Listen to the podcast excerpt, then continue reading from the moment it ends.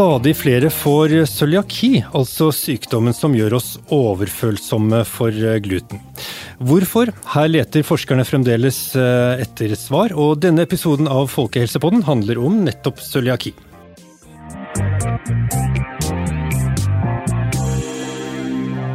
Diaré, luft i magen, vekttap, magesmerter, tretthet. Dette kan jo være symptomer på mye, Kjetil Størdal. Men uh, hva, hvordan finner du ut om dette kan være cøliaki? Der har vi egentlig en ganske god eh, blodprøve som eh, fanger opp de aller fleste som har cøliaki, som er ganske treffsikker. Og så tar man gjerne vevsprøve, i hvert fall hos en del, for å bekrefte. En prøve fra slimhinna i tolvfingertarmen gjennom gastroskopi. Eh, kan, kan, du, være, eh, kan du ha liksom litt cøliaki, eller er det noe som du enten har eller ikke har, og du reagerer på samme måte? Man kan ha sterke og svake symptomer, og noen har ingen symptomer i det hele tatt. Merker ingenting, får det oppdaga helt tilfeldig.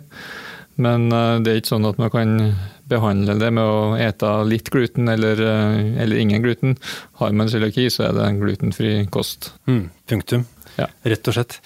Eh, Kjetil, du er overlege ved Sykehuset Østfold og forsker her på Folkehelseinstituttet. Og her er også Lars Kristian Stene, som er forsker ved Folkehelseinstituttet. Og eh, da jeg vokste opp da, på 70- og 80-tallet, så hadde jeg jo aldri hørt verken faktisk om gluten eller cøliaki. Eh, Kjetil, er dette en ny sykdom?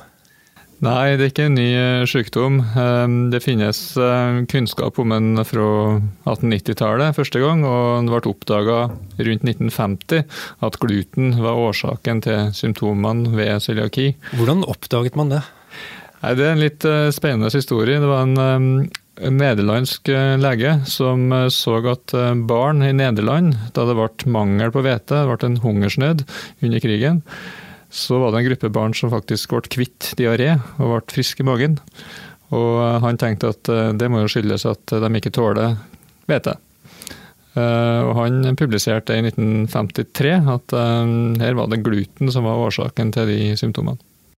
Hva er, går det an å forklare hva cøliaki Hva er det som skjer i kroppen når du har cøliaki? Eller hva er det som går feil?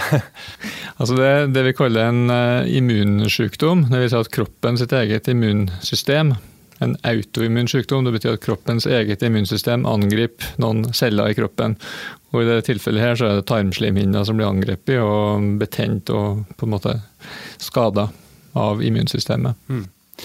Uh, og i dag har jo uh, dette med gluten og cøliaki det er jo noe utrolig mange snakker om nå i dag. Er det, uh, har, det, altså, har det vært en økning i hvor mange som har det? Ja, Det er et godt spørsmål. Det er, svaret er ja, det er en økning. Mm. Det kan vi si på bakgrunn av at det er gjort store undersøkelser der du har testa en gruppe med mennesker, tusenvis av mennesker, uavhengig av om de har gått til doktor eller ikke. Det vi kaller en screeningundersøkelse. Og det ser vi at uh, fra 50-tallet og fram til ca. 2000 i USA, så er det en fire-femdobling i antallet som går med sånne blodprøvetegn på, på cøliaki. Mm. Samtidig så er det jo en utfordring at det at mange har hørt om gluten og hørt om glutenfri kost, og prøver ut det og syns at det virker bra, Eh, vet at hva jeg få inntrykk av at det er mye mer enn før. Men det er ganske mange som velger å gå på glutenfri kost som ikke har cøliaki. Så det er på en måte ikke en nødvendig sammenheng. Mm. Lars Kristian, hvor mange er det som har uh, cøliaki i dag? Ja, Det vet vi jo strengt tatt ikke veldig godt, da. Men uh, det, forekomsten Jeg jobber jo aller mest med type 1-diabetes, så der er det jo sånn at ved 15 års alder så er det kanskje en halv prosent. Når det gjelder cøliaki, så er det vel litt nærmere 1% i den aldersgruppen der. Eh, men det er ganske stor variasjon og litt vanskelig å si helt eh, klart, fordi det har litt å gjøre med hvor mange som går til legen med symptomene, som Kjetil nevnte. Så hvis man definerer på en måte alle også som blir Hvis man teller med alle som etter screening ble oppdaga, som tidligere ikke hadde symptomer, men som har positiv blodprøve, så er det kanskje både dobling og tredobling av det. Mm. Kanskje, det men det er stor variasjon med, fra land til land. Men kanskje mellom skal vi si 1-3% eller noe sånt, avhengig av de kriteriene man bruker for å oppdage og definere sykdommen. Men er det da en reell økning, eller er det en økning fordi eh, vi har blitt flinkere på å diagnostisere og oppdage? Jeg er ganske sikker på at er begge delene. Det er en økning, det, det vet vi ut ifra de undersøkelsene som er nevnt. Men uh, vi vet òg at uh, terskelen for å bli oppdaga har blitt lavere, fordi vi har fått uh, bedre tester. Og folk flest, og inkludert doktorer, har blitt mer oppdatert og kjenner til sykdommen og, og kjenner igjen det. Så før gikk kanskje folk mer rundt med magevondt og diaré uten at de visste hva som var årsaken, og, og fikk aldri behandling for det, kanskje? Ja, det kan jeg. Og så er jo da 10 000-kronersspørsmålet som type 1-diabetes. Eh, hva er grunnen til at forekomsten øker av cøliaki? Ja, jeg tenker at det er to hovedhypoteser. Eh, for det første, vi vet at gener er veldig viktig. Du er nødt til å ha disponerende gener, dvs. Si en gentype som finnes hos kanskje 35-40 av eh, nordmenn. Eh, det må være til stede. Uten de genene så får du ikke cøliaki. Men når det øker over tid, så kort tid, så um, må det være ting i miljøet, måten vi, vi lever på. Og um, vi tenker, som ved type 1-diabetes, at uh, infeksjoner er en mulig forklaring. Og en annen forklaring kan være endring i måten vi eter på. Å oh ja. På hvilken måte da? Det som har vært et spørsmål over lang tid, det er når man starter med gluten. Vi tror ikke det spiller så veldig stor rolle lenger ut ifra undersøkelser som er gjort. Men hvor mye gluten man spiser, ser ut til å være en, en, ting som flere forskere nå har, har sett spille inn. Så kanskje spesielt eh, de første få leveårene, hvor mye gluten man spiser, kanskje påvirker risikoen. Og gluten er da, det er da i hvetemel og rugmel og andre kornsorter, ikke sant? Ja, gluten er det viktigste proteinet både i kveite, rug og bygg. Men betyr det da at vi eh, spiser mye mer gluten i dag enn vi gjorde før?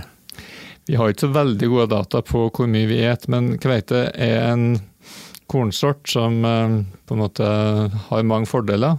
Det er ganske effektivt. Eh, det blir mye korn per kvadratkilometer. Eh, og det har mange gode egenskaper i baking. sånn at eh, konsumet av gluten og av hvete det øker litt over tid, kan det se ut som. Men det er jo andre som har påpekt at Norge er helt i verdenstoppen på import av, eh, av gluten, f.eks.? Ja, nå brukes jo gluten til ikke bare menneskemat, det brukes også i dyrefôr og ikke minst i fiskefôr. Sånn at ganske mye av det som vi importerer, det går nok ikke til Ola Nordmann, men til fisken som vi spiser. Du Kan jo fortelle hvordan dere også Lars Kristian, du jobber jo da mye med diabetes, og Kjetil, du jobber mye med cøliaki. Men dere jobber samtidig mye sammen om begge sykdommene. Hvordan, hvordan har det seg? Hva er sammenhengen? Ja, nei, Det er jo en, en del fellestrekk mellom de sykdommene, som eh, vi også var så vidt inne på i den andre podkasten om type 1-diabetes. Og eh, jeg reiste på utenlandsopphold til USA eh, for ca. 15 år siden. og Eh, jobbet med et prosjekt der hvor, eh, som handlet primært om type 1-diabetes, men hvor de hadde med også studier på cøliaki og en del fellestrekk. Eh, F.eks. er det genene som disponerer for type 1, eller for cøliaki, disponerer også for type 1-diabetes. Og dette var en studie hvor masse Ja, Samme, samme genene disponerer for begge sykdommer? Yes.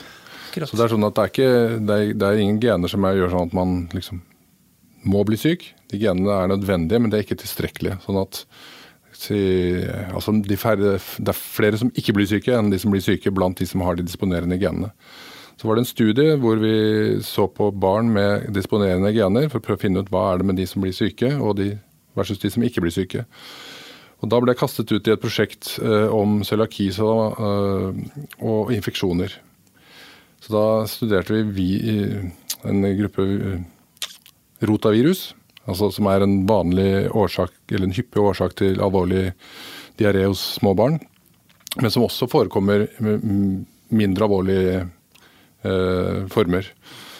Eh, og Der fant de et tegn på at det kanskje var en risikofaktor for cøliaki. Men så viste det seg at det var gjort veldig veldig lite forskning på, på dette.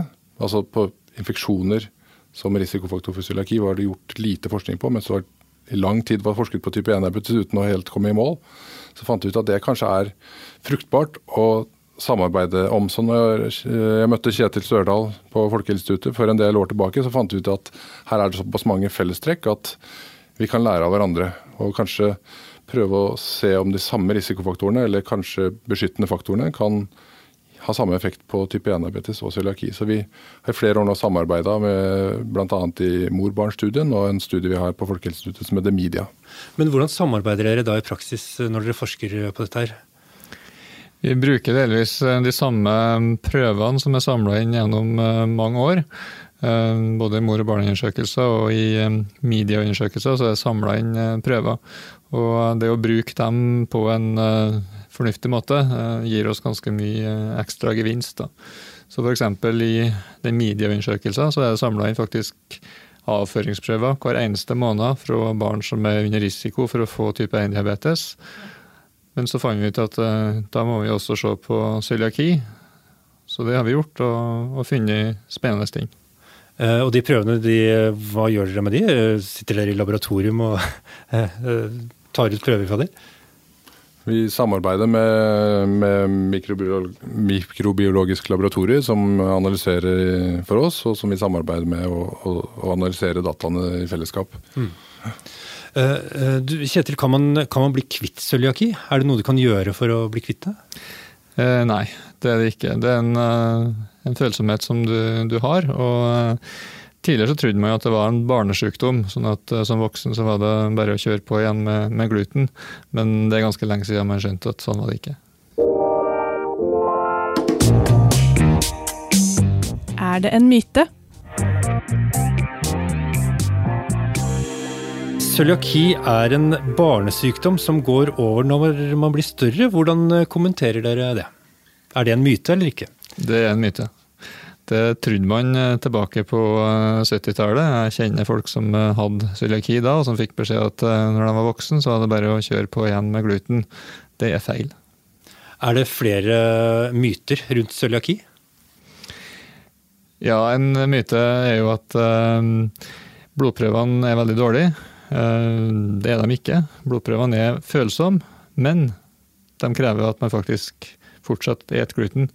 Så hvis du prøver deg fram, tar bort gluten, syns at dette funker bra, så går til doktoren, da klarer ikke doktoren å finne ut det, fordi at eh, du må faktisk ete det for å ja, nettopp. se forandring. Du må ha spist eller fått til deg gluten for at blodprøven skal vise det. Nettopp. Ja, ja, nettopp. Det er et veldig, veldig viktig budskap til befolkningen hvis man mistenker at man har har eh, cøliaki, så må man ikke prøve seg fram med glutenfri kost og se om det hjelper, før man går til legen. Ja, det var veldig viktig budskap.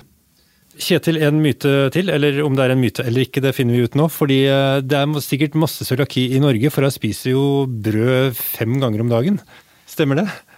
Ja, Vi spiser mye, mye, brød, men uh, for det første i uh, befolkninga der man ikke spiser kveiterugbygg, sånn som i deler av Asia f.eks., det ser man heller ikke cøliaki.